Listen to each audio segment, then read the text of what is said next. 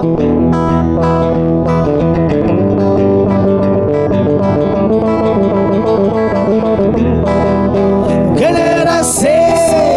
generasi Sumba Kita belajar bersama-sama Generasi, generasi Sumba Kita belajar bersama-sama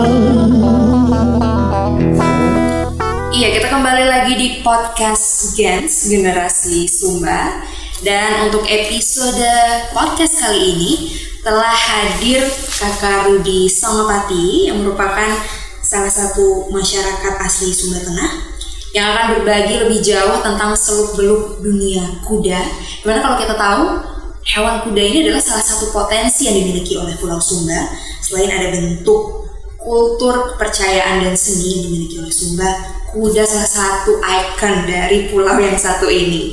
Dan sudah hadir kakak Rudi yang pastinya nanti akan berbicara lebih jauh. Saya akan menyapa dulu. Halo selamat siang kakak Rudi Selamat siang. Eh, kabar baik Mas Kabar baik. oke you. nanti kita akan berbicara lebih jauh tentang dunia kuda. Dan eh, untuk pendengar podcast ini barangkali saya akan memperkenalkan dulu kakak Rudi ini kakak Rudi Samapati eh, merupakan lulusan pendidikan dokter di Berlin Jerman untuk spesialis eh, kepincangan pada kuda di mana sebelumnya juga telah menempuh pendidikan strata satu ya untuk pendidikan eh, Fakultas Kedokteran Hewan di Universitas Gajah Mada Yogyakarta. Dan nanti kita pasti akan berbicara lebih jauh tentang bagaimana pandangan Kakak Rudi terkait dengan pemeliharaan kuda, termasuk di dalamnya reproduksi juga kandang dan pakan kuda karena terlibat lebih jauh ya terhadap eh, proses penelitian kuda ini terutama eh, saat tinggal di Jerman dan nanti kita akan mendengarkan juga beberapa ulasan dari hasil riset yang telah dilakukan Kakak Rudi. Mungkin eh, kita sebagai awal bisa Kakak Rudi jelaskan latar belakang dari riset tentang manajemen pemeliharaan kuda, reproduksi kandang dan juga pakan ini. Silakan. Iya, Terima kasih. Jadi saya itu sejak kecil suka hewan kuda. Oh. Lalu di lingkungan Sumba itu kita benar-benar familiar dengan kuda. Eh, di kampung ada kuda, di rumahnya om ada kuda, di rumahnya mertua ada kuda, di mana-mana kita berpergian ada kuda. Terus muncul eh, keinginan saya mau kuliah kedokteran hewan dengan dengan maksud satu waktu saya kepingin sekali mendalami tentang kuda. Langsung spesifik kuda. Belum, Belum. Sudah senang kuda dengan berjalannya waktu sudah selesai di UGM. Uh-huh. Lalu penentuannya itu waktu saya boleh untuk em, lanjut dan masuk ke eh, strata doktoral. Oke. Doktoral, doktoral itu setelah urus surat macam-macam, memenuhi syarat macam-macam, eh, akhirnya saya harus spesialisasi di mana gitu. Ada hewan kecil, hewan besar, lalu hewan besar itu ada sapi, kuda, domba dan macam-macam.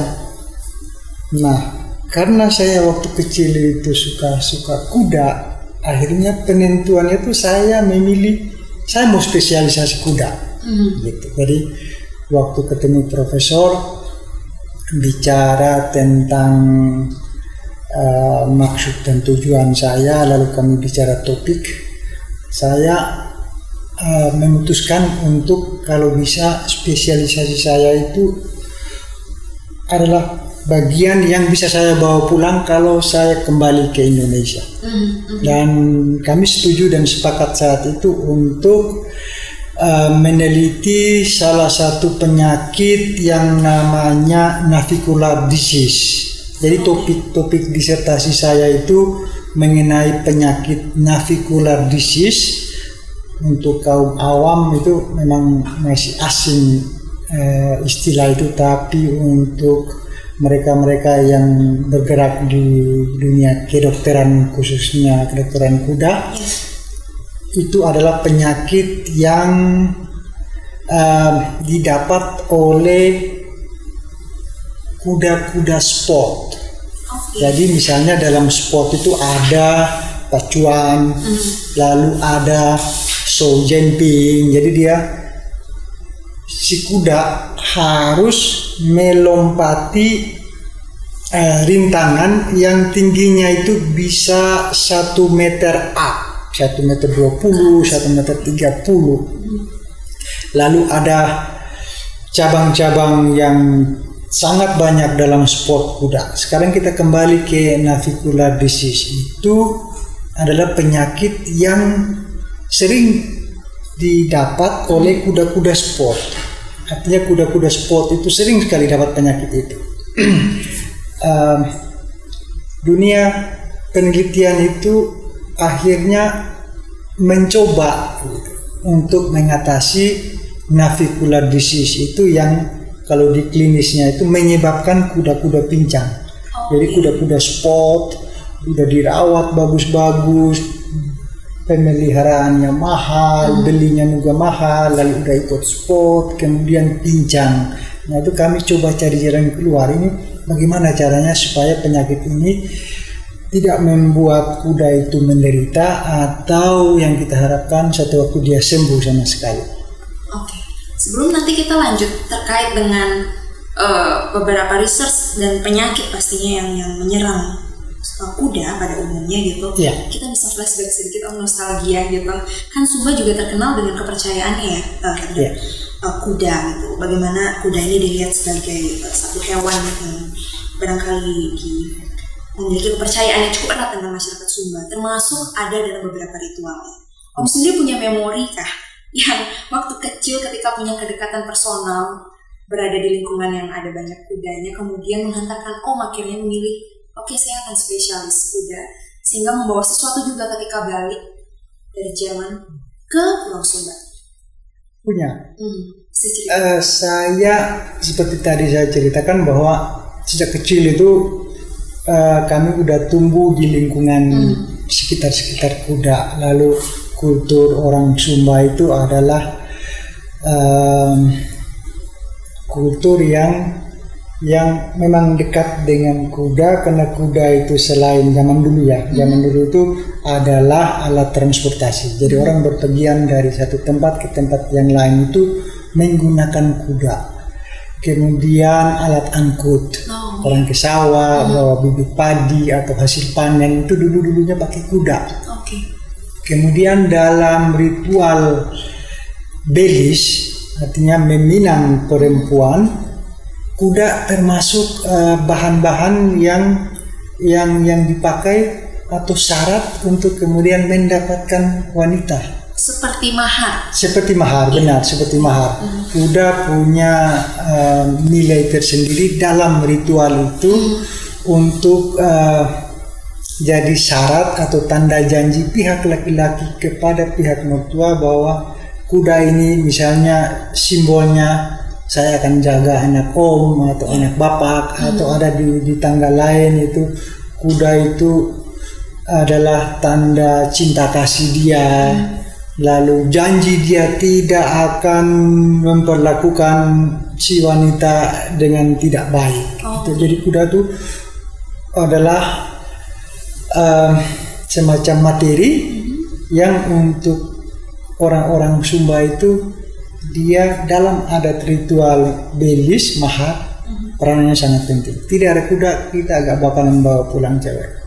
Dan hingga saat ini, Hingga saat ini, hingga masih saat ini dijadikan belis juga. masih ah, ini kita bersyukur ya bahwa dengan dunia modernisasi teknologi informasi yang canggih ini ada sekelompok atau satu komunitas eh, yang masih mau untuk mempertahankan adat istiadatnya. Yes. Tidak banyak lagi tempat-tempat di dunia ini yang masih masih betul-betul mempertahankan adat istiadatnya. Kita di Sumba Tengah salah satunya adalah satu komunitas yang masih berusaha sekuat tenaga untuk mempertahankan adat istiadatnya. Suatu waktu bahwa adat ini dia akan kemudian luntur dilindas oleh uh, ganasnya modernisasi Mhm. ya itu kan faktanya begitu tapi kita yang hidup sekarang uh, kalau kalau saya pribadi bahwa adat istiadat itu semacam rangkuman atau kumpulan akal sehat Oh. lokal wisdomnya nenek moyang. Jadi kalau kita jaga itu baik-baik, kita akan bisa tunjukkan ke dunia, ke orang-orang bahwa begini di Sumba ini kalau kami mau mau meminang seorang cewek atau begini cara kami misalnya menguburkan orang-orang yang kita kasih dan kita sayangi waktu mereka meninggal atau begini cara kita bersyukur ketika ada yang lahir atau begini cara kita bersyukur ketika ada kejadian-kejadian dalam hidup keseharian. Oh, menarik. Jadi bisa dibilang kuda itu erat dengan katakanlah ketika berbicara ke dunia luar sebagai jati diri dan Sebagai jati karakteristik masyarakat Sumba. Kalau sa- sampai saat ini apakah kuda-kuda sehat Om? Atau sebenarnya ada banyak jenis penyakit yang kemudian bermunculan? Saya dalam dalam sesi kali ini mau bicara khusus tentang manajemen pemeliharaan kuda ini karena punya maksud dan tujuan supaya walaupun ada modern, modernisasi tadi ya ada motorisasi tadi ini kan peran kuda kan dia lambat laun hilang. Misalnya yang dulu-dulunya kuda dipakai untuk alat transport. Sekarang ada motor ada mobil lalu alat angkut. Kita punya punya truk punya pickup macam itu jadi kuda itu dia kemudian peranannya itu makin makin kurang dalam dalam keseharian. Sehingga yang saya takutkan semoga tidak terjadi orang Sumba itu dia kemudian tidak mau lagi pelihara kuda. Oh, karena dia bilang buat apa saya pelihara kuda? Kalau mau bepergian ke tempat tertentu kuda kan eh, ribet gitu. Belum lagi eh, sampai di tempat tertentu ikatnya di mana lalu dia harus makan. Ya. ini pakai motor aja kan begitu. Nah efek motorisasi ini sesungguhnya kalau faktanya di lapangan eh, jadi salah satu penyebab kenapa populasi kuda di Sumba Tengah atau di Sumba secara keseluruhan itu turun. Ya. saya sudah cek data BPS bahwa dibandingkan 10, 20, 30 tahun lalu itu populasi kuda itu turun. Kenapa dia turun? Em, misalnya tadi ada itu namanya motorisasi. Lalu kalau dalam diskusi-diskusi lepas saya melihat sumber lain itu adalah generasi muda sekarang atau yang yang yang dulu-dulunya masih suka pelihara kuda bilang begini sekarang pelihara kuda itu eh, mahal Oh, mahal malah mahal karena ada kos pakan di sana ada kos kandang obat-obat dan sebagainya. Em, jadi saya bikin em, topik diskusi kita malam ini untuk kalau bisa saya mau sedikit kupas. Kupas tentang em, manajemen pemeliharaan kuda yaitu ada tiga topik besar Yes. reproduksi kandang dan pakan. Tiga topik ini adalah topik yang yang jadi tiang. Kalau kalau kalau kalau saya bilang ayo dong kita pelihara kuda kembali gitu kan.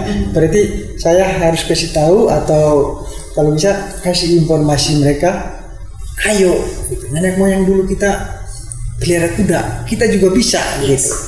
Misalnya ada yang pemahamannya eh, belum banyak gitu. Jangan jangan pikir kayak tadi itu bahwa mahal ini, susah gitu gitu saya harapkan sejak dia mendengarkan pembicaraan kita malam ini oh gitu ya pelihara kuda gitu.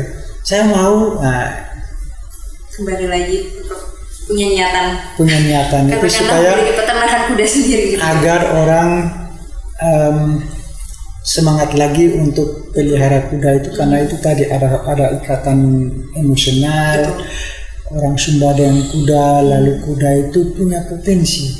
Yang kalau kita kelola dengan baik dan benar nanti saya akan cerita belakang dia bisa mendatangkan uang buat kita Oke. entah itu kita pakai di sektor jasa nanti untuk pelatihan berkuda, sekolah berkuda, atau eh, sebagai em, pedaging, Hmm, kalau kita Oke. ngomong gitu. Kuda juga bisa dijadikan pedaging yang bisa jadi asupan protein. Mhm. Kalau di Jawa di tempat-tempat lain ada daging kuda, ada sate kuda, ada soto kuda dan sebagainya. Nanti kita akan mendengarkan pastinya seluk beluk tentang kuda. Mungkin bisa di awal om tentang manajemen pemeliharaan kudanya seperti apa? Iya, saya akan em, buka pembicaraan kita dengan sedikit pendahuluan. Saya yakin bahwa mereka yang misalnya mendengarkan obrolan kita dan eh, sama sekali misalnya jauh atau asing dengan hewan kuda, pengen tahu. Jadi saya akan eh, bikin semacam pendahuluan sejarah kuda dan penyebarannya kuda fosil paling tua itu ditemukan di daerah Amerika Utara oleh para peneliti ya. Berumur kira-kira 55 juta tahun. Jadi ada evolusi yang saat itu kuda masih berjari satu Berjari satu. No, no, no, salah.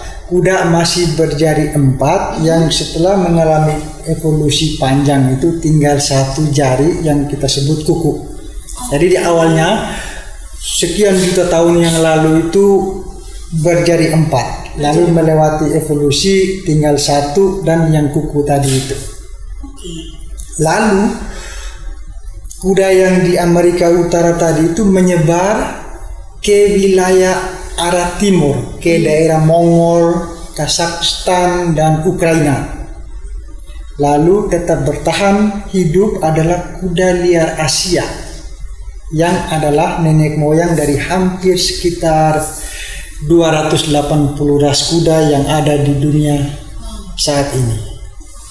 Total jumlah kuda yang ada di seluruh dunia itu ada sekitar 60 juta ekor. Hingga saat ini.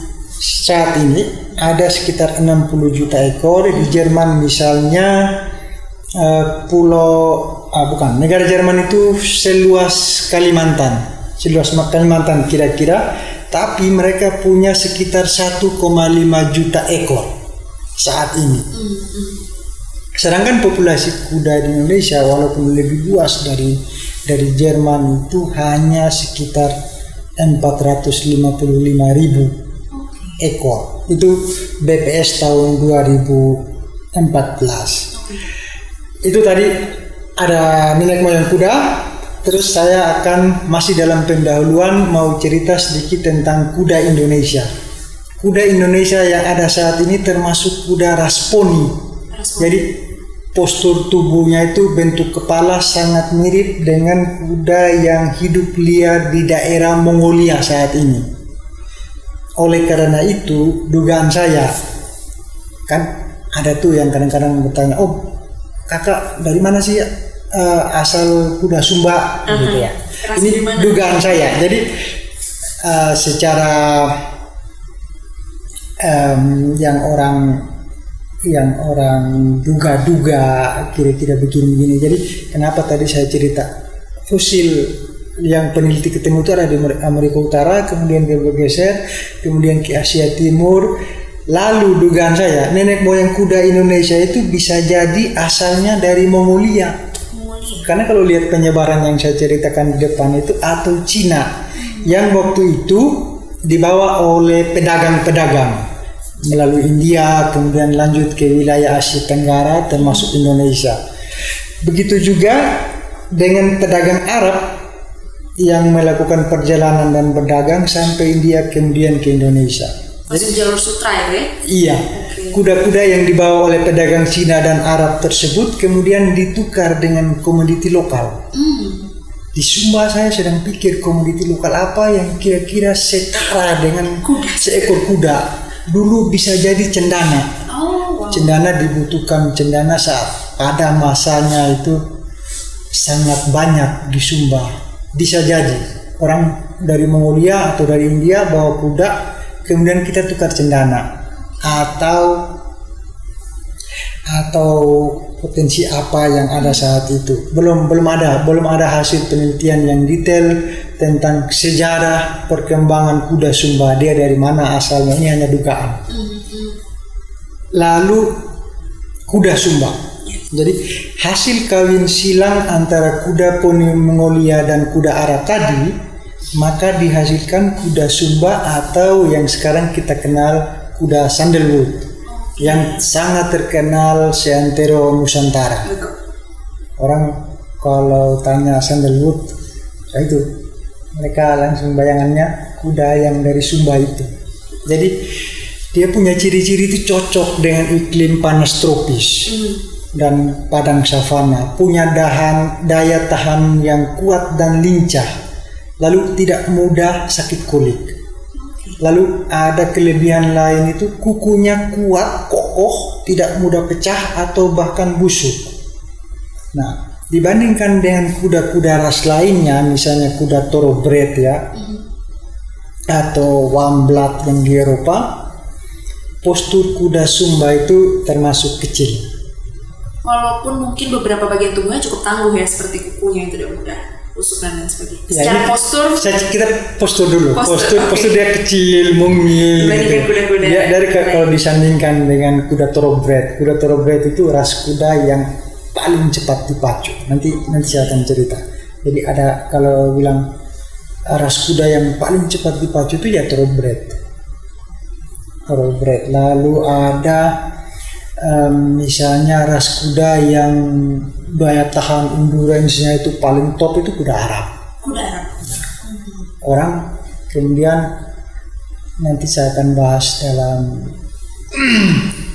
dalam pembicaraan kita ini apa sih kelebihan-kelebihan kuda Sumba, kelebihan-kelebihan kuda-kuda yang dari luar itu.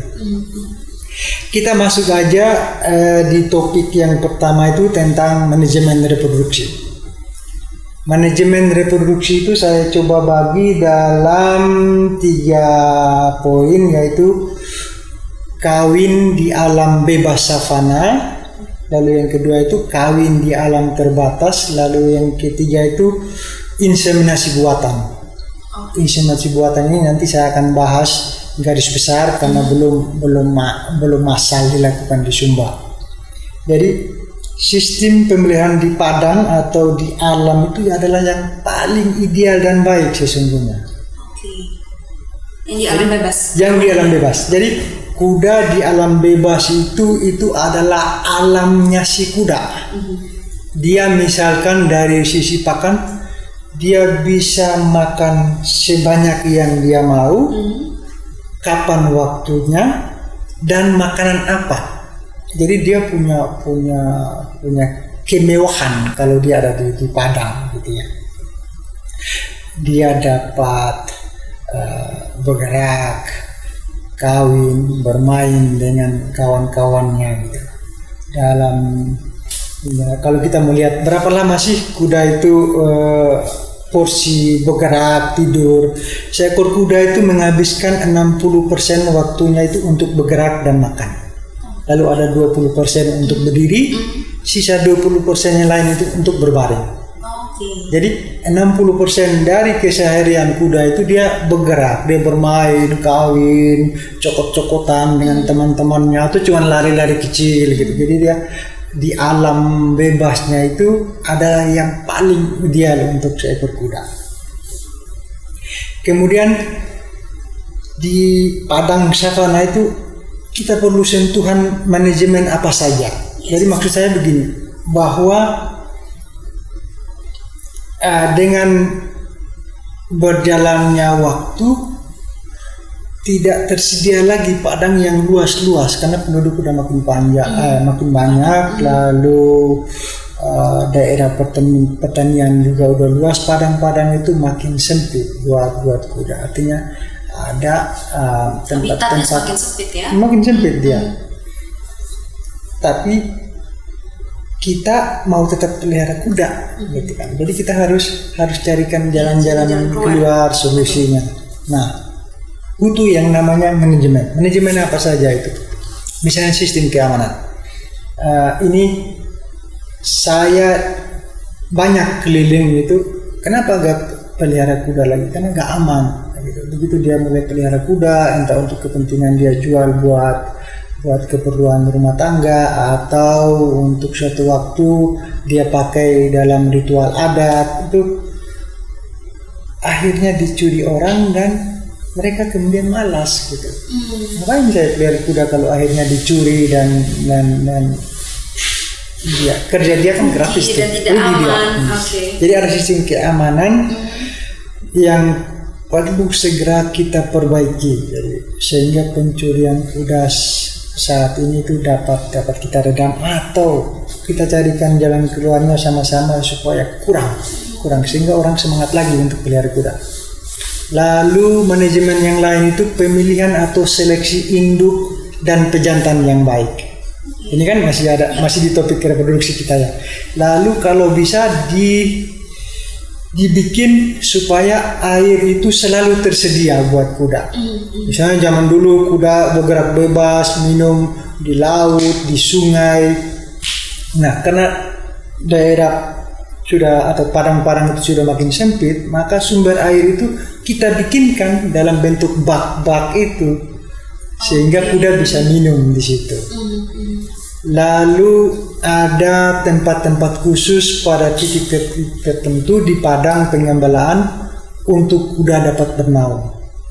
Zaman dulu ada hutan-hutan kecil, kuda paling senang kalau siang dia bernaung di situ, lalu tiduran atau hanya santai. Sekarang sudah banyak padang-padang yang tempat-tempat kuda itu biasanya bernaung sudah habis dipotong orang atau kebakaran hutan dan dia akhirnya mati.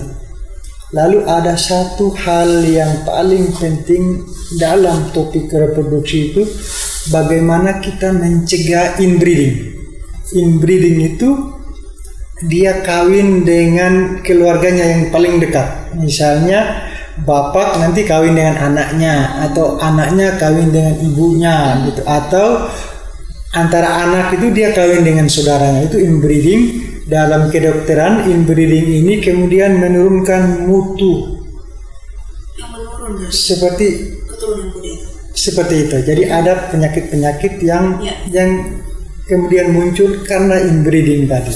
Lalu fisik juga kalau dia kawin terus antara saudaranya saya karena senang kuda itu sering sering amati gitu atau misalnya di sapi itu kok makin lama sapi ongol sumba yang dulunya 800 800 kilo kok sekarang makin kecil dia jadi 600 atau jadi 400 ini kan. karena inbreeding tadi jadi perlu perlu kita manage kembali sehingga kalau kita mau betul-betul mau jadikan eh, ternak tadi sebagai potensi yang bisa mendatangkan eh, manfaat buat rakyat kebanyakan di Sumba Tengah, nah kita kita harus mulai manage masalah-masalah tadi ada keamanan, ada inbreeding, ketersediaan air di padang-padang, lalu kita manage dan tata padang-padang itu sehingga em, dia cocok untuk pelihara kuda.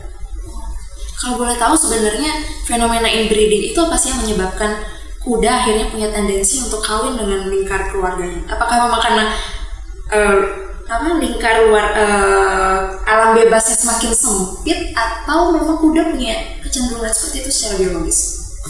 Pertanyaan menarik.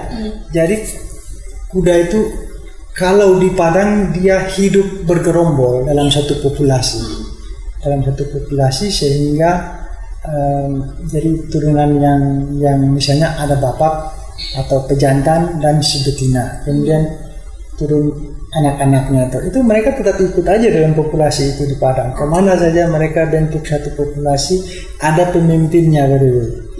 Jadi ada pemimpinnya yang yang jaga populasi itu dari serangan misalnya pejantan-pejantan lain ingin ngambil betina-betina dia. Itu dia lawan kalau kita perhatikan di hutan atau di padang.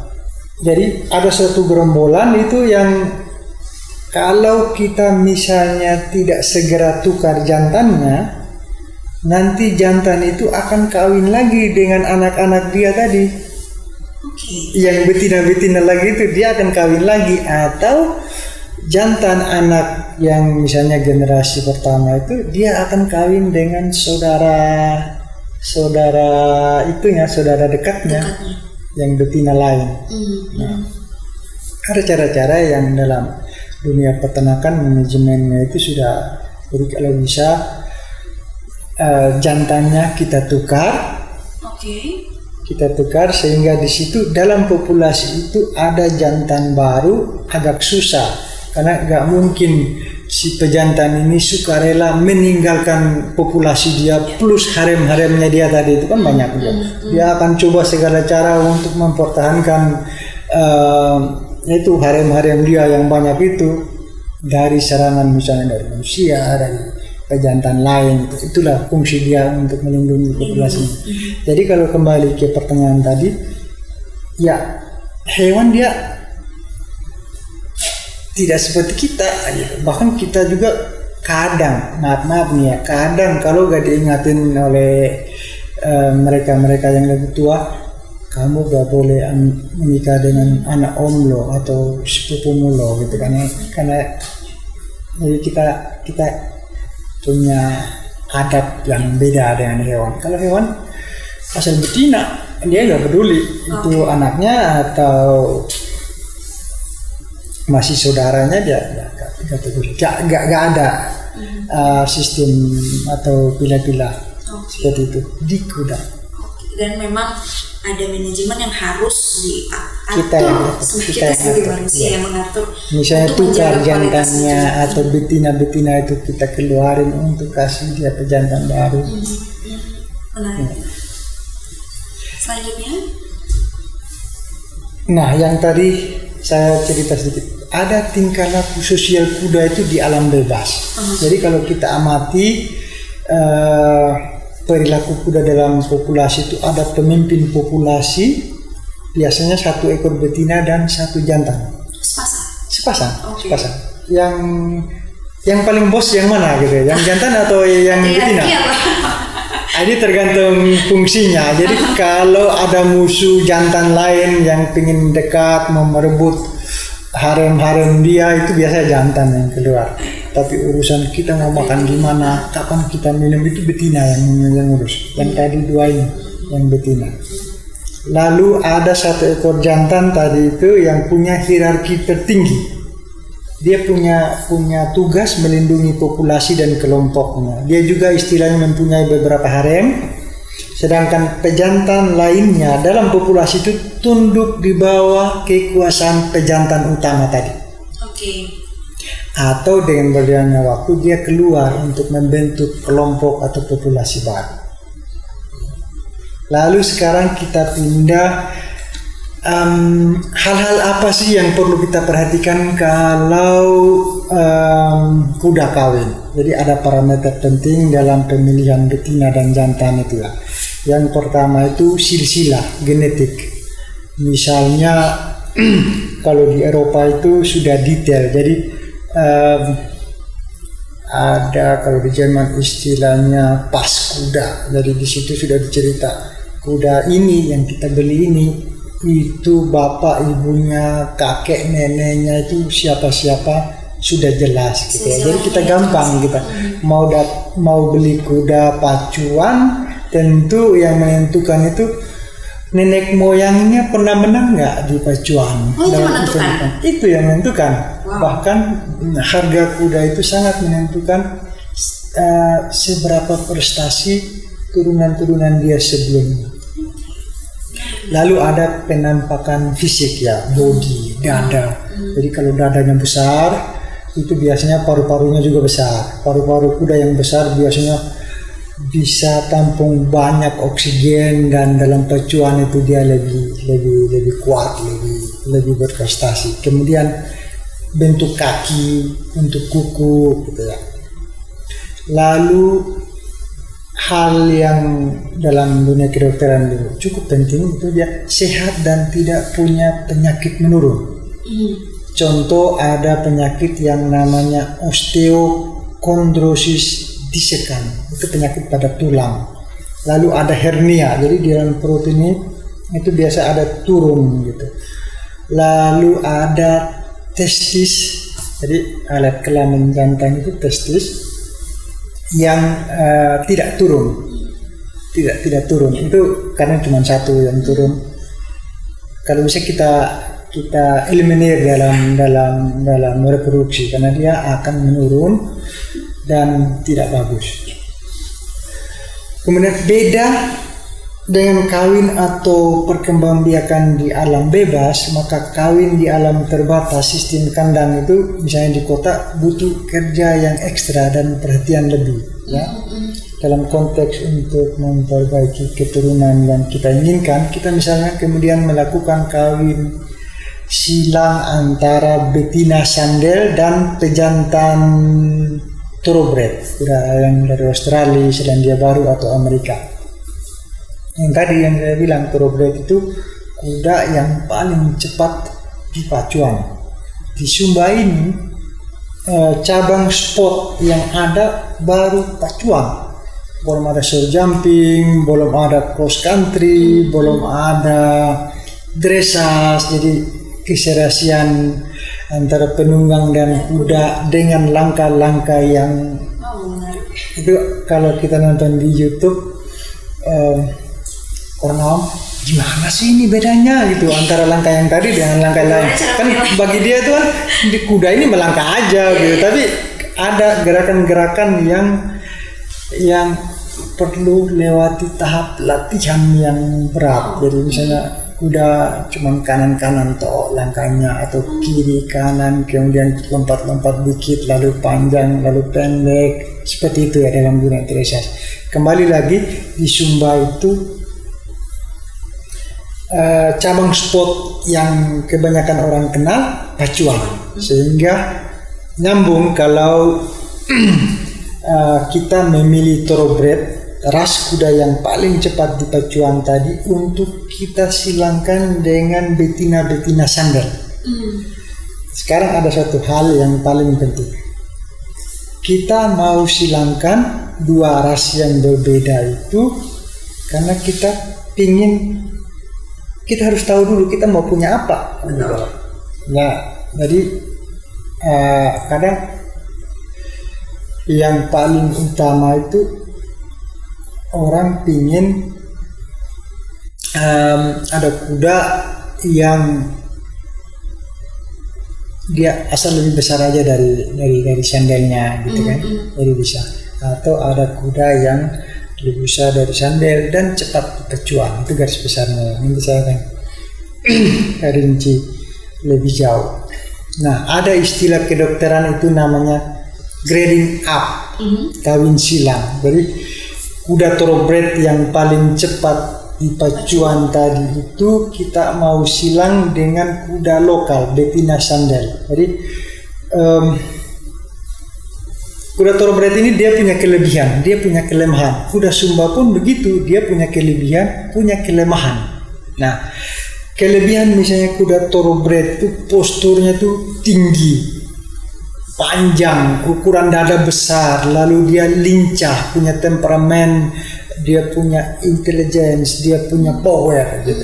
Tapi dia punya kekurangan, dia kurang cocok di daerah iklim tropis panas kering seperti di Sumba ini lalu ada yang lain dia sensitif dengan kulit penyakit sakit perut ya atau penyakit kuku. Sedangkan kuda kuda lokal sandal kita ini dia punya kelebihan. Dia tahan terhadap berbagai penyakit. Daya tahannya lebih gitu. Kalau dalam bahasa kedokterannya dia robust lalu jarang dia dia sakit kulit. Um, lalu kukuhnya itu tadi kokoh Lalu ada yang yang paling dia adaptif dengan lingkungan dan iklim tropis savana. Kekurangannya tadi posturnya kecil, lalu kurang tanda kutip power dibandingkan kuda thoroughbred yang gede-gede tadi itu. Nah, dalam meng, dalam konteks menggabungkan sifat-sifat unggul yang dimiliki oleh dua jenis kuda di atas, maka yang paling baik itu atau paling maksimal itu adalah pada G1. G1 itu jadi kalau ada kuda pejantan thoroughbred kawin dengan betina sandel itu anaknya itu G1 generasi 1 itu apa darah pejantannya 50% darah betinanya 50% Oke. jadi tadi kita mau kawin silang untuk dapat yang baik-baik itu tadi ya jadi pada kuda G1 itu ada kuda yang sudah lebih besar dari dari betinanya, ya kan? Tapi dia tidak mudah kena kulit. Kukunya juga tidak cepat pecah seperti bapaknya. Jadi dia ada itu. Tapi yang dia dapat dari dari dari betinanya itu daya tahan terhadap penyakit. Em, dia lebih adaptif dibandingkan dengan bapak dia terhadap iklim yang panas kering tropis ini. Nah, orang kadang-kadang kelirunya di sini atau kebanyakan kelirunya di sini. Tadi saya bilang bahwa kita harus tahu kenapa kita silang. Ya, yakni untuk menggabungkan sifat-sifat unggul tadi. Dan sifat-sifat unggul tadi itu paling maksimal itu ada di G1. Sekarang saya lanjut ya untuk kita punya gambaran sedikit. G1 tadi ini ya tak hasil silang thoroughbred dan dan betina sandel generasi satu ini kalau kita silangkan lagi dengan pejantan baru jadi bukan bapaknya dia tadi kalau bapaknya lagi kan inbreeding tuh nanti. Pejantan baru banyak mereka yang suka kuda hobi kuda sering keliru di sini. Jadi mereka pikir nanti yang G1 ini kita kawinkan lagi dengan bapaknya jadi G2 gak bisa seperti itu. Dalam ilmu genetik bukan begitu tadi ini kan anak. Kalau kita kawinkan lagi sama bapaknya ini kan inbreeding dia. Lalu kalaupun iya jadi dia bukan G2 G2 itu kalau ada jantan baru tadi jantan A namanya Breno. Nanti harus kawin dengan Bruno yang B dengan G1 tadi. Anak mereka baru kita bisa namakan G2 di Sumba mohon maaf ya saya sering memperhatikan pejantannya satu. Dengan pejantan itu lagi itu lagi lalu kemudian mereka uh, mendeklarasikan bahwa mereka udah punya kuda G2, G3, G4 padahal jantannya tetap gak, gak, gak begitu dalam dalam dunia genetik G1 tadi dia harus dikawinkan dengan pejantan baru baru dia jadi G2 gitu ya lalu G2 tadi kawin lagi dengan pejantan lain lagi bukan si A dan B tadi tapi yang C baru G3 Oke. Nah, dengan meningkatnya generasi itu darah lokal sandel tadi dia makin kurang. Sampai G4 aja itu dia sudah ini perhitungan matematis genetik ya. Walaupun dalam kuda sendiri kita nggak tahu seberapa uh, pembagian. G4 itu generasi keempat itu setelah G1 kawin yang thoroughbred G2 thoroughbred G3 thoroughbred. G4 itu sifat bapaknya udah 93,75 persen. Sifat betinanya tinggal 6,25 jadi balik lagi dong ke ke ke yang kurang sifat bapak dan ya walaupun tubuhnya besar tapi Sa- rentan ke bapak. Mm-mm. lalu kan bapaknya tadi punya kelemahan-kelemahan keadaptif dengan tropis dengan kukunya kemudian karena udah mirip bapaknya ya mudah pecah, mudah sakit kulit. Jadi dia balik lagi gitu. Rugi dong. Saya sering ngomong, kenapa kalian nggak beli langsung aja thoroughbred baru? Nah ini dengan kawan-kawan di kedokteran hewan, kami masih berdiskusi tentang misalnya ada ide untuk bikin yang namanya Thoroughbred Indonesia. Seperti apa itu? Thoroughbred Indonesia, mohon maaf, saya sendiri masih sering bertengkar dengan mereka. Maksudnya apa? Jadi Thoroughbred yang lahir di Indonesia, gitu kan? Ini kalau kita mau singkat, jadi ada Thoroughbred yang dibawa ke Indonesia, nanti lahir di Indonesia dan mereka namakan Thoroughbred Indonesia. Oke, next. Um, lalu ada yang namanya kuda pacu Indonesia. Jadi thoroughbred thoroughbred tadi yang yang yang lahir di Indonesia itu disilang dengan thoroughbred lain nanti jadi kuda pacu Indonesia. Eh, Cukup rumit untuk eh, mereka-mereka yang tidak em, bergerak di dunia pacuan. Saya sendiri tidak peduli dengan istilah-istilah saya dokter kuda asal ada kuda itu pasien ya kan? pasien saya harus saya tangani dengan baik dan benar Eh, untuk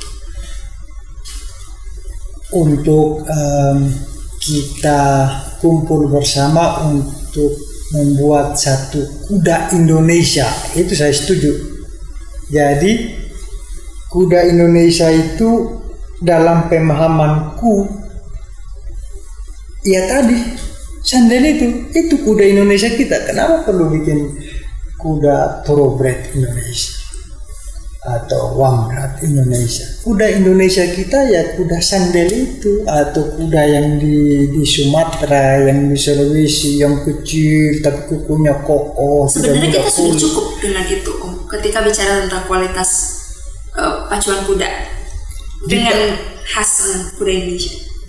ini ini ini soal mata soal mata. Jadi eh, sebelum saya ke Jawa itu ada pecuan yang isinya hanya sandal ada entertain gitu ame gitu kan. Kudanya kecil-kecil kelas A B C D gitu. dengan postur mereka begitu ada kelas-kelas yang sudah di di di dibeda-bedakan gitu. ada. Lalu sekarang kuda-kuda kuda-kuda besar itu datang dengan soal mata mereka pikir bahwa yang lebih besar lebih heboh lebih top lebih bla bla bla bahkan saat-saat terakhir ini kuda Sumba itu dipandang sebelah mata. Artinya itu bahkan dihina sebagai kuda belis kuda mahar. Jadi banyak orang yang kadang kalau lihat kuda Sumba kita dia udah agak pikir itu bukan kuda deh itu kuda-kuda belis gitu. Dan itu yang yang yang saya mau. Saya mau kalau bisa saya datang ke tempat-tempat di mana ada kawan-kawan orang Sumba hey nggak begitu loh. Kuda Sumba ini begini-begini kelebihannya. Kalau kita bisa rawat lagi eh, nanti harapanku sama dengan cerita. Jadi di, di utara Eropa Barat itu di Denmark ke atas itu ada nama negara Islam. Bahasa Jermannya Islam. Islam. jadi ada ras kuda persis banget kuda Sumba. Kecil kokoh kuat tahan penyakit Islam fair kalau bahasa Jerman. Itu pasarnya dia khusus. Jadi walaupun orang Jerman punya wamblat punya thoroughbred punya kuda Arab dia kadang-kadang pingin beli kuda itu dengan harganya yang sangat tinggi. Hampir-hampir mirip deh dengan kalau dia beli thoroughbred saya kepingin kita sampai di level itu satu waktu. Boleh aja orang-orang punya kuda yang gede-gede tapi dia bilang eh saya butuh tuh kuda sumba. Kuda sumba tuh bagus atau cocok untuk anak-anak atau cocok untuk mereka yang cacat atau hanya untuk dia lepas di, di kebun. Jadi atau ini yang yang banyak orang belum tahu bahwa saat sekarang ini perusahaan-perusahaan farmasi itu butuh serum kuda. Dan serum kuda dari kuda sumba mahal harganya. Bahkan perusahaan-perusahaan itu sanggup harga hari ini satu ekor kuda sumba bisa mencapai 30 juta. 30 juta. Masih topik ini saya ingin cerita. Ada satu masa ketika kita longgar untuk memperhatikan eh, populasi kuda Sumba tadi dia kemudian hilang dalam dalam populasi karena ada kuda-kuda besar yang silangnya udah agak teratur inbreeding dan sebagainya. Kuda Sumbanya hilang. Hilang. Bahkan bukan tidak mungkin orang Sumba sendiri cari kuda yang masih asli sandal itu keluar jadi tadi ke Australia itu. Belinya dengan sekian ribu. Ya, Australian dollar. Atau bahkan kita cari ke Sulawesi karena apa tadi? Kalau kita mau dapat ras kuda yang Iya. generasi yang bagus itu harus ada yang lokal dan yang yang thoroughbred tadi itu. Kita kalau tidak perhatikan 10-20 tahun ke depan hilang kuda ras asli. Itu. Nanti saya akan bahas dalam dalam yang topik berikut. Sekarang yang saya kepingin bahas, adakah pengaruh kawin silang tadi terhadap kuda Sumba? Ada. Jadi fakta sekarang itu lebih dari 50% kuda yang dipakai untuk dilombakan dalam kuda dalam pacuan adalah kuda yang berjenis KP apa kuda pacu atau kuda tongkol istilah istilah eh, teman-teman di lapangan yaitu G1 bukan kawin dengan thoroughbred tapi dia kawin dengan sandal jadi bayangkan bapaknya bapaknya thoroughbred betinanya sandal dia jadi G1 kemudian dia kawin dengan sandal lagi gitu. Atau sandal dan G1 atau G1 dan G1 dalam genetika kacau balau. Ini apa kita mm, susah. Bahkan seorang profesor genetik pun oke kalau G1 sama G1 jadinya apa dong dia bilang dia menggunakan bingung kalau misalnya tidak dilengkapi dengan latar belakang pejantan betina dan sebagainya Nah, kita nanti satu waktu akan kehilangan kuda sandal sebagai ikon Pulau Sumba. Karena kawin kawin yang tidak tidak beraturan tadi. Lalu jenis kuda yang ada di Sumba itu em, kita sudah tidak tahu ini apa sih rasnya sebenarnya. Kuda sandal enggak, kuda thoroughbred enggak gitu kan. Gitu. Lalu saran saya sebelum yang topik ini itu kalau bisa kawin silang itu em, supaya kemurnian ras sandalnya itu tetap dijaga harus ada yang kontrol misalnya misalnya kita bisa atur em, ada ada lembaga yang yang misalnya mengeluarkan em, semacam sertifikasi bahwa kuda ini masih sandal Eh, karena bapak betinanya begini begini begini lalu dia boleh kawin dengan kuda yang ini. jadi kita bisa atur lalu em, kita punya em, semacam komunitas-komunitas atau lembaga yang yang mestinya bisa bisa mengatur itu. Misalnya Podrasi atau dinas peternakan. Kalau di Indonesia sendiri proses tentang sertifikasi yang seperti itu, rekam medisnya, keturunannya dari mana, itu Indonesia sudah sampai situ. sudah ada. Sudah ada. tapi maaf maaf ya saya harus ngomong faktanya banyak dipalsu Oh, Oke. jadi tidak ada yang datang kontrol. Kalau misalnya di luar em, ada yang sering kontrol eh benar nggak itu bapaknya si ini kawin dengan si ini? Gitu kan ada yang kontrol datang. Kalau di kita Prodasi memang mengeluarkan semacam BRK jadi surat kuda itu. Tapi ini eh, tidak boleh saya cerita di sini karena bisa jadi dia nggak punya bukti tapi ngomong kayak gitu. Saya mau cerita dari informasi-informasi yang saya dapat di lapangan bahwa kadang-kadang untuk kepentingan menaikkan harga si ekor kuda itu akhirnya ngaku-ngaku dia ini punya bapak ini karena bapaknya pernah menang di sini padahal faktanya nggak pernah tuh bersentuhan sama si bapak yang konon unggul dari segi darahnya karena penang, menang di acuan dan event yang cukup bergengsi misalnya. Lalu tadi kita bicara tentang eh, masih tentang reproduksi. Ada kawin di alam terbatas. Kawin di alam terbatas itu dia beda dengan yang di alam terbuka tadi ya. Em, kuda puber itu pada umur 1,5 sampai 2 tahun. Rata-ratanya 18 bulan. Jadi kalau ditanya kapan sih kuda itu boleh dikawinkan atau dia dia boleh em, kita carikan pejantan untuk mendapatkan keturunan baru itu sekitar 18 bulan itu rata-rata umur kawin. Lalu ada yang namanya kalau kedokteran kita memperhatikan lama siklus seksualnya itu. Itu 21 sampai 22 hari. Oke. Ada siklus birahi, lalu ada pasca birahinya gitu kan. Lalu faktor-faktor apa saja yang mempengaruhi lama kebuntingan.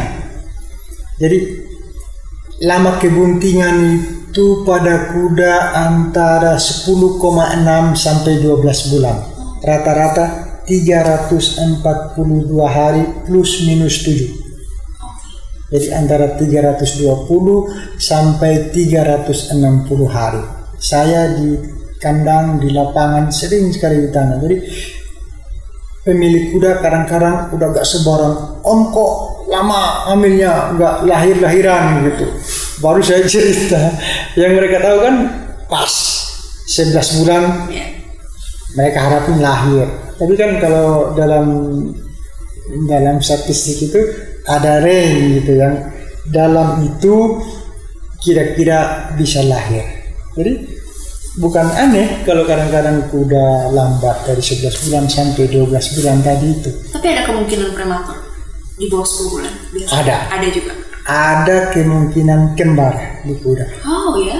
Iya, ada kembar dan kebanyakan kembar itu biasanya salah satunya meninggal atau mati atau dua-duanya. Tapi saya saksi hidup pernah melihat kuda-kuda yang kembar dan akhirnya berprestasi di eh, sport kacu.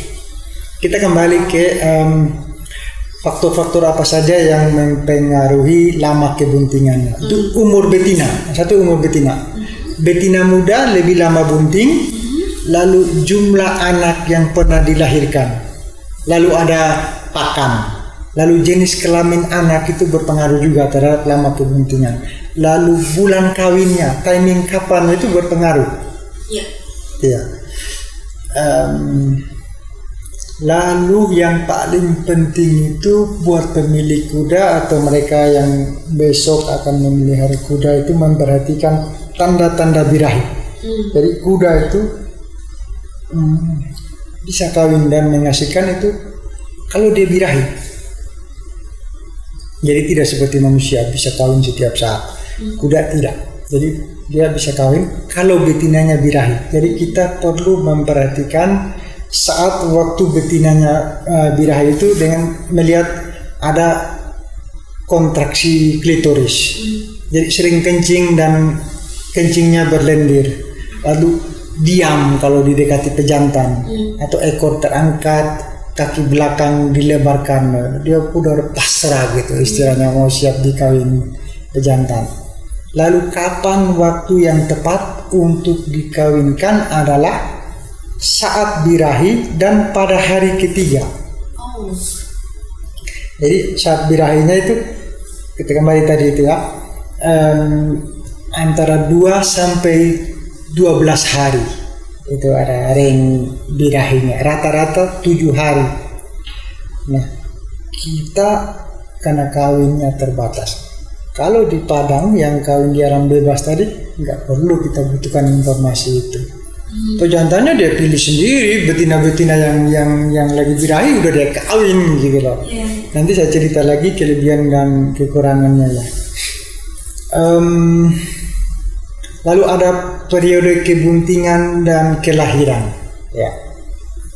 Yang perlu diperhatikan oleh pemilik kuda itu rumput yang selalu tersedia pada saat kebuntingan itu. Pakan penguat atau tambahan itu ya eh, konsentrat itu kebutuhan kuda bunting itu antara 3 sampai 5 kg per hari. Oke. Lalu ada hal penting lainnya, tidak boleh vaksin atau beri obat cacing pada empat bulan pertama, baik pada empat bulan terakhir. Jadi empat bulan pertama enggak, yang baik itu pada empat bulan terakhir kita boleh kasih obat cacing. Lalu pindahkan pada box atau kandang khusus pada empat minggu terakhir. Jadi ada ada, ada ring itu rata-rata 11 bulan. Nah, empat minggu terakhir sebelum 11 bulan itu kalau bisa kita udah pindah ke box khusus untuk kelahiran. Lalu alas kandang, alas kandang yang umum itu ada pasir, lalu ada jerami atau serbuk gergaji itu kalau bisa ditambah volumenya sehingga lebih empuk buat buat uh, anak kudanya nanti. Sekiranya um, betinanya menggunakan sepatu tapal itu harus dilepas. Lalu tetap bergerak, jangan jangan betinanya uh, sambil menunggu lahiran dibiarkan tinggal dalam kandang, tapi tetap harus bergerak minimal itu 30 menit per hari. Lalu ada tanda-tanda lain, tanda-tanda alam itu kapan kuda sudah dekat-dekat lahiran itu ada perubahan pada puting susu. Oke. Kalau itu kelihatan membesar, maka bisa dikira-kira dalam waktu 48 jam berikut itu kudanya akan melahirkan beranak.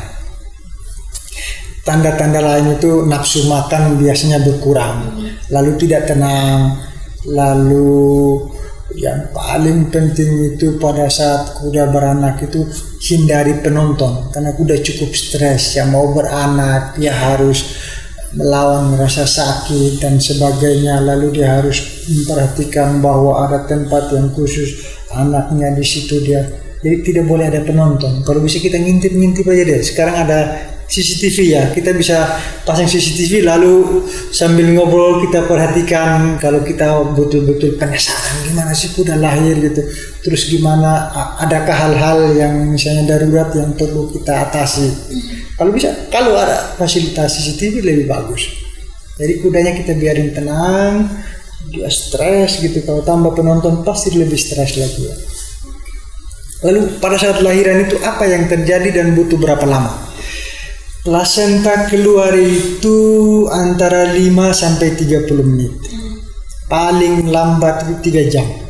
Jadi kalau lewat dari 3 jam, kita harus tolong si betinanya untuk membantu mengeluarkan plasenta. Kalau masih di jadi buat penggemar kuda tolong perhatikan bahwa jangan panik ada uh, secara kedokteran waktu yang yang udah diteliti yakni um, yang normal itu antara 5 sampai 30 menit plasenta keluar paling lambat itu 3 jam. Jadi kalau belum lebih 3 jam tenang-tenang aja. Kecuali kalau sudah lewat perlu telepon dokter hewan atau mereka yang sudah pengalaman uh, menolong bisa membantu. Lalu anak kuda itu kapan dia dia bangun? Gitu tuh. Orang yang nungguin kapan nih anak kuda boleh bangun gitu. Kapan dia kita bilang oh dia perlu kita tolong gitu. Jadi berdiri itu antara 30 menit sampai 2 jam. Jadi di bawah 30 menit bukan kudanya sakit biarin dulu aja dia dia dia mau datang dia lahir dulu dia. Jadi antara 30 menit sampai 2 jam itu masa yang masih normal. Menyusu menyusu pertama kali ini penting karena ada kolostrum yang kayak zat-zat untuk imun tubuh itu antara 30 menit sampai 6 jam itu penting sekali. Setelah 12 jam itu termasuk terlambat ya. Lalu yang yang topik ketiga dari reproduksi itu ada inseminasi buatan. Jadi saya hanya bicara umum aja karena masih jarang diterapkan di Sumba. Lalu keuntungan itu dia mengurangi stres betina aja. Jadi ada sperma yang ketika betina birahi itu kita masukkan lewat uh, vaginanya lalu disemprot seolah-olah itu adalah pejantan. Jadi inseminasi buatan. Oke, sebelum ke situ yang ingin saya tanyakan adalah tadi ada kuda kuda-kuda yang dipelihara dalam kandang, bukan di uh, alam liar. Sebelumnya kakak Rudi sempat bilang kualitasnya memang paling ideal itu di uh, alam liar. Ya, Walaupun pada akhirnya manusia punya manajemen yang sangat presisi tadi tentang siklus kapan dia birahi, harusnya kawin dan kemudian masa bunting, melahirkan dan lain sebagainya. Itu apakah walaupun effortnya lebih besar ketika ada manajemen yang mengurus di kandang itu tetap tidak lebih ideal dibandingkan dengan yang tidak alam tidak pernah bisa oh, uh, men, me, menyamai uh, kemewahan kuda itu di alam bebas. Apakah itu karena kuda lebih stres ketika di kandang? Apa yang sebenarnya yang yang mengharuskan ada manajemen itu ketika sudah masuk kandang? Ya, saya ini ini ini ini pertanyaan bagus buat uh, mereka yang punya kuda. Jadi karena kita suka kuda lalu kita kepingin kuda itu selalu dekat dengan kita. Kita tidak perlu jauh ke padang untuk lihat kuda. Kita bawa kita domestikasi istilahnya ke kota ke tempat-tempat yang sempit. Saya mau kasih tahu begini bahwa kunci pemeliharaan kuda itu adalah semaksimal mungkin mendekatkan situasi seperti di, di, di alamnya, bukan fisiknya, okay. tapi pemahamannya. Misalnya begini, udah tadi 60% kan sering bergerak. Mm. Nah, kalau kita taruh di kandang, dia kan ya, sedikit ya. sedikit ya. space hmm. untuk bergerak. Lalu uh, kalau kita tidak sering ajak keluar untuk jalan kurang, dia akan stres banget. Gitu. Di Padang itu ada 60% dia bermain, kawin dan sebagainya. Lalu uh, tempat kandang itu soal pakan nih mm. dia tergantung full sama sama kita manusia. Jadi pakan apa yang kita kasih berapa banyak dia tergantung. Kalau di alam bebas dia pilih sendiri gitu ya. Sehingga kemewahan-kemewahan tadi itu banyak yang diambil dan saya bisa yakin bahwa kita tidak akan pernah bisa menyamai situasi ideal dia di padang savana. Oh, okay. Nah, komprominya gimana? Mm-hmm. Kita mau pelihara kuda, savana-savana udah hilang, udah berkurang gitu. Ukuran kandang ideal itu empat kali empat. Nanti saya akan masuk ke situ. Lalu selalu ada gerak kuda dibawa keluar untuk jalan atau ada pedok-pedok yang ukurannya 8 kali 8 di situ kuda kita lepas untuk bermain. Mm-hmm. ya ada gitu. Dia dia gak, gak hilang sama sekali. Ada. Itu hanya untuk kompensasi dengan uh, gerakan yang yang tidak boleh hilang sama sekali. Karena kuda kalau kurang gerak dia juga kemudian dapat penyakit-penyakit yang aneh-aneh. Penyakit kuku uh, tulang kaki dan sebagainya Nah, saya mau fokus dulu di inseminasi buatan tadi ya. Keuntungan itu mengurangi stres betina, mengurangi cedera saat kawin, sperma dapat untuk beberapa betina sekaligus.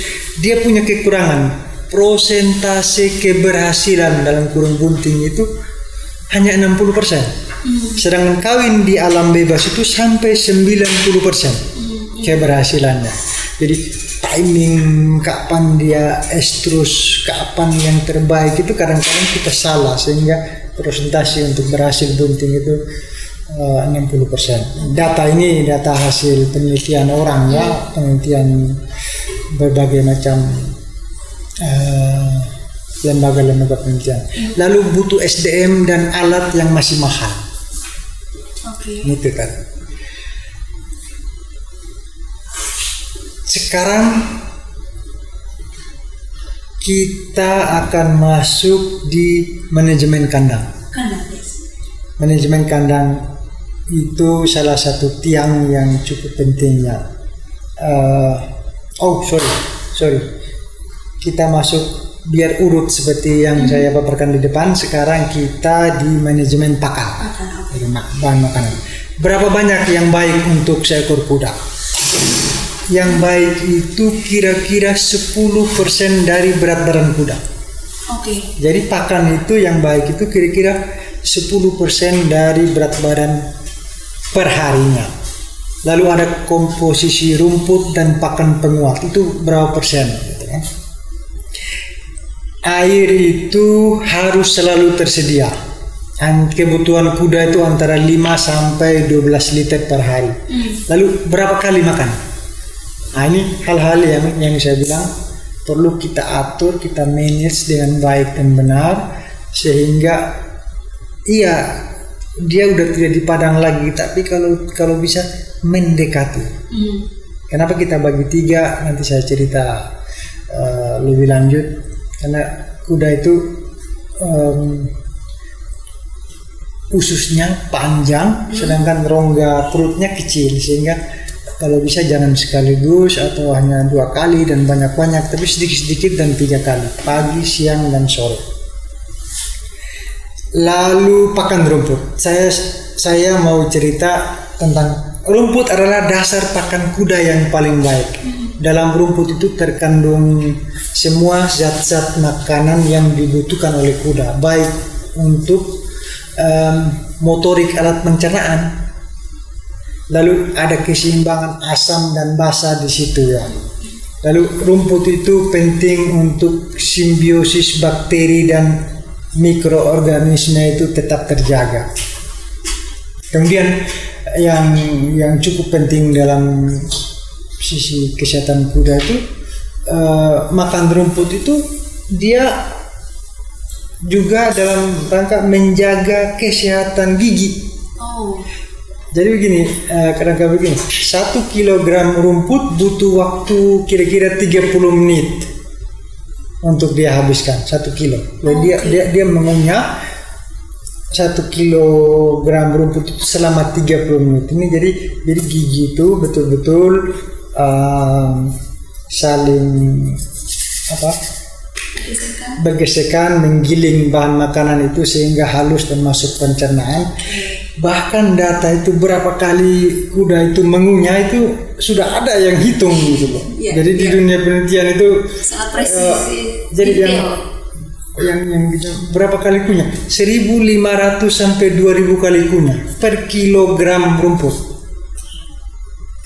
lalu bedanya kalau dengan pakan penguat itu pakan konsentrat misalnya ada kacang-kacangan eh, kacang kedelai lalu ada jagung Ya. itu kita namakan pakan penguat Mhm. butuh waktu singkat antara 10 sampai 15 menit saja dan em, seribu kali kunyah. Jadi istilahnya dia dia tidak butuh lama dikunyah oleh gigi. Ini yang yang dengan berjalannya waktu kemudian menyebabkan eh, kuda itu di gerahamnya itu mempunyai sudut-sudut yang tajam dan kalau tidak segera dipotong atau diraspel itu akan menyebabkan kuda susah untuk makan atau bikin sakit rongga eh, bukalis dan lingualis tadi. Kadang-kadang dia sakit untuk mengunyah ditelan-telan aja dan bisa kolik Oke, itu berpengaruh pada pencernaannya pada pastinya. pada Oke. pencernaan. Mhm. Lalu apa bedanya dengan kuda yang kita kandangkan domestikasi? Di padang savana itu pakan selalu tersedia. Tadi saya sudah sebut sedikit. Kuda dapat memilih sendiri kapan dan berapa banyak yang dia makan. Di kandang pakan tidak terlalu sedia. Kuda tidak punya pilihan lain, tergantung kepada manusia. Kualitas belum tentu terjamin ya. Waktu makan yang tidak teratur, terlalu cepat, terlalu lambat, ya tergantung perawatnya. Kadang-kadang perawatnya lambat pulang, kuda lambat makan hal-hal yang seperti ini dalam manajemen pembelian kuda perlu dibikinkan yang namanya SOP. Jadi jam-jam makan kuda itu harus tepat. Ya. Tidak boleh lambat karena begitu lambat kuda kelaparan eh, konsekuensinya dia makan terlalu cepat. Nah, karena karena rongga perutnya kecil sedangkan ususnya panjang, ada belokan-belokan itu yang kalau pakan itu belum dikunyah dengan baik dan benar dan menjadi bubur, dia sulit lewat belokan-belokan tadi nyangkut dia di situ, bikin sakit perut. dan usus barangkali ya? Di usus ya. Lalu ada yang tadi saya bilang terlalu sedikit terlalu banyak, lalu tidak bebas kuman penyakit. Hmm. Kita simpan pakan itu mungkin di lantai yang dingin, lalu ada kuman di sana. Kenapa manajemen pakan dibutuhkan? Itu untuk menjaga kesehatan kuda terhindar dari penyakit-penyakit. penyakit karena gangguan metabolisme. Misalnya ada lumbago. Lumbago itu em, saya bisa cerita begini. Jadi ada ada kuda dia dikasih pakan banyak yang bergizi tapi geraknya kurang. Itu dibawa ke lapangan bisa kaku. Kaku udah kayak robot. Dan itu penyakit. Diajak pecuan sudah gak bisa tuh. Dia perlu recovery dulu untuk jangka waktu. Penyakit kuku. Lalu penyakit alat pernapasan karena pakannya berdebu jamur dan kutu. Lalu ada alergi di kulit. Misalnya bahan makanan kuda itu kebanyakan mengandung protein itu bisa menyebabkan penyakit penyakit kulit lalu kolik tadi yang sudah kita ceritakan sekarang pindah ke topik kita yang ketiga, manajemen kandang. Manajemen kandang itu sesungguhnya seperti yang saya bilang tadi. Em, karena kita domestikasi, maka yang ideal kandang itu untuk seekor kuda itu 4 kali 4 dengan tinggi 2,5 meter. Ideal itu. Jadi kuda beda dengan kita pelihara babi. Kalau bisa sesempit mungkin, sekurang mungkin dia bergerak sehingga dia kita dapat daging yang banyak. Kuda tidak begitu. Kuda butuh butuh space, butuh gerak. Lalu yang minim ada juga 3 kali 3 plus tingginya 2,5 meter. Jadi kalau misalnya space tidak tersedia, paling minim itu 3 kali 3 meter itu harus ada bagusnya tadi itu empat kali empat lantai matras dan pakai matras dan kering ya. Misalnya di kebanyakan kandang yang saya kunjungi itu matrasnya dari pasir dari serbuk gergaji atau dari jerami lalu ada ventilasi udara sehingga pertukaran udara itu bagus. Ada dinding-dinding yang yang membatasi dengan dengan dunia luar sehingga dia tidak kedinginan kalau kalau malam atau ada angin yang cukup keras sehingga membuat dia kedinginan. Lalu ada tempat pakan dan air. Air itu untuk kuda itu SOP-nya harus selalu ada, tidak boleh tidak. Kebanyakan kandang dan di sana biasanya sering kulik kuda dapat air pada saat jam makan saja itu keliru. Kuda harus disiapkan entah di pojok kandang di tempat pakan selalu ada air. Sehingga kapan kuda minum dia selalu bisa. Lalu ada pedok untuk tempat umbar. Pedok itu semacam space yang lebih besar dari kandangnya. Di sana dia bisa bermain berlari main dengan kawan-kawannya Lalu em, pada manajemen kandang itu benda-benda tajam, plastik kalau bisa tidak boleh. Bukan kalau bisa dihindari. Jangan sampai termakan oleh kuda kemudian menyebabkan kolik. Lalu benda tajam masuk ke kuku kemudian menyebabkan penyakit-penyakit kuku yang mengatasinya butuh butuh waktu dan dan mahal sekali. Em, untuk yang tiga subtopik tadi sudah selesai. Em, saya akan senang kalau misalnya mbaknya mau tanya tentang hal-hal yang Iya. mungkin dalam pemaparan saya tadi ada yang belum belum. Iya. Menarik ya tadi mendengar cerita mulai dari bagaimana kehidupan masa kecilnya Kakak Rudi, kemudian memilih spesialis di kuda dan melihat ternyata ada hal-hal yang detail terkait dengan manajemen eh, pemeliharaan kuda. Misalnya tadi ada reproduksi, kandang dan pakannya. Jadi kita tahu sebenarnya yang ideal itu seperti apa. Barangkali ini bisa menjadi insight, pastinya wawasan bagi masyarakat Sumba yang masih mau melihara Saya harapkan seperti itu. Iya. Dari dari hasil kita ngobrol malam ini ada yang yang ikut dengar, Betul. kemudian dia jadi punya pemahaman yang yang tepat bagaimana Tepat. memelihara bagaimana kuda yang baik. dan menjaga mutunya yang penting ya. Iya, iya, yang yang yang dalam topik reproduksi tadi itu ada kawin silang, Hmm, tiangnya itu kita harus tahu buat apa kita kita silang kuda-kuda itu. Betul. Jadi tadi yang baik itu jantan thoroughbred, betinanya sandal, kita mau dapat G1 yang posturnya mirip-mirip bapak, tapi dia kukunya agak nggak mudah retak atau pecah, agak busuk. Lalu dia dipacu, dibandingkan ibunya, dia lebih, lebih speednya lebih bagus, lebih cepat. Jadi semua itu ada perhitungannya, apalagi ini terkait dengan ada, iya. gen- genetika hewan. Iya. Kamu boleh cerita sedikit, eh, kakak Rudi kan lama juga tinggal di Berlin, Jerman gitu dan melakukan research juga. Apa sih sebenarnya yang perlu kita catch up gitu, kita kejar dan kita pelajari dari manajemen di sana yang barangkali di sini juga harus mulai diaplikasikan untuk masyarakat Sumba ketika memelihara kuda. Atau Em, mungkin mereka punya regulasi yang baik atau seperti apa? Saya masih yakin bahwa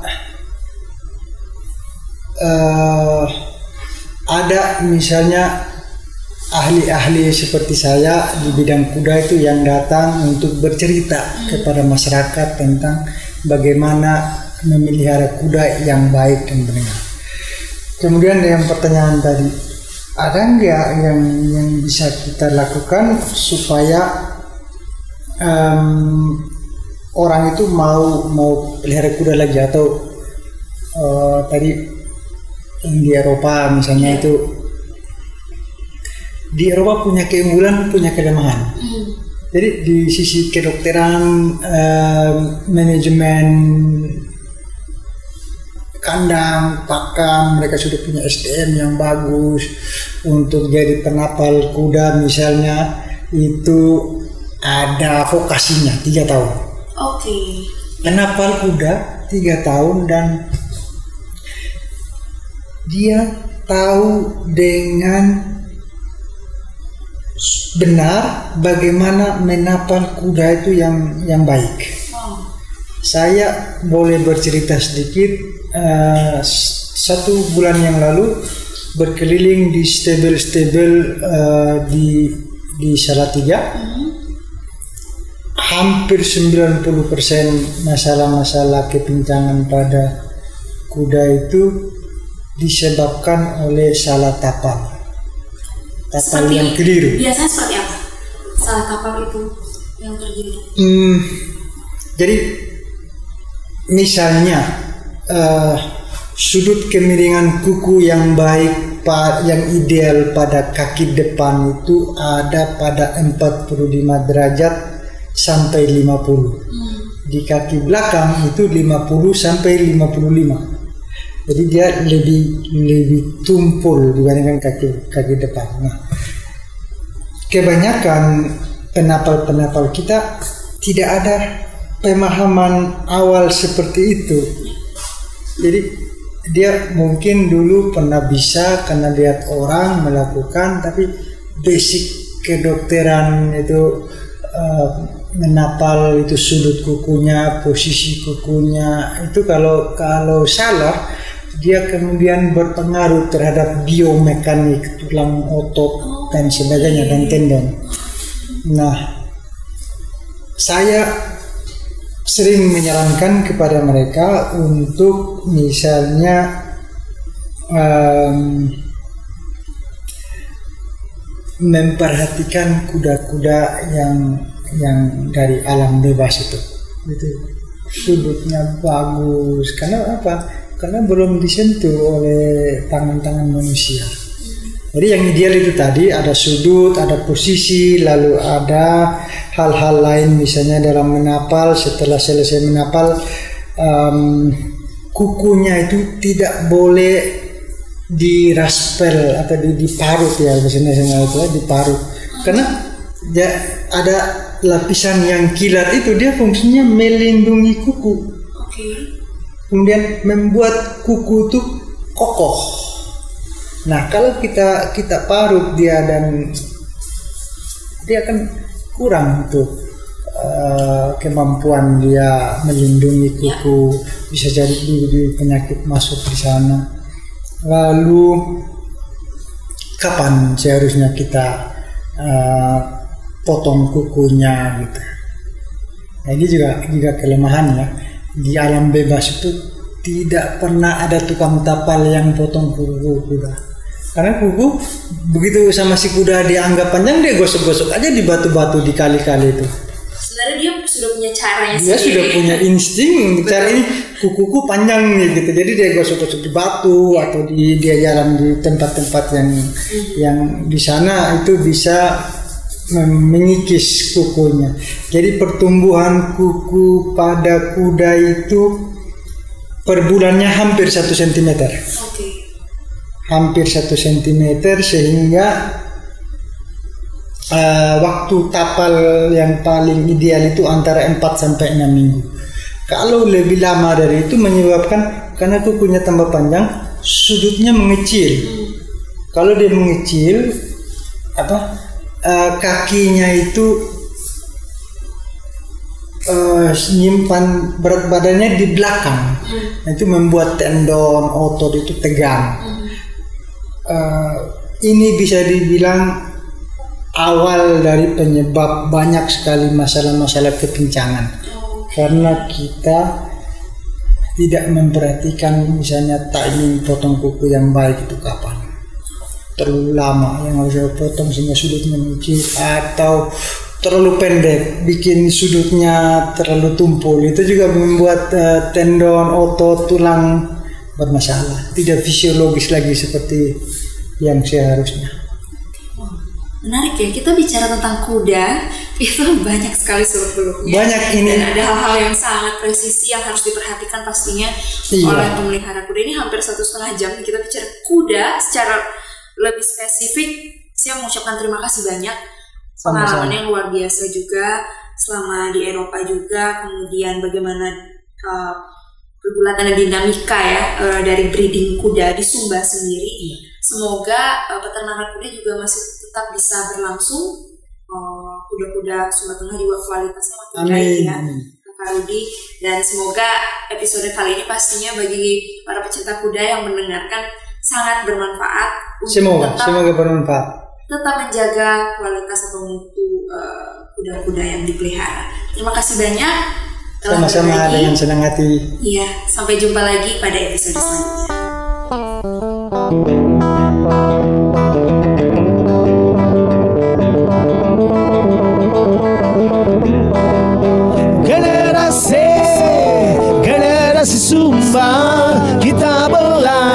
Bersama-sama. Generasi, generasi Sumba. Kita belajar bersama-sama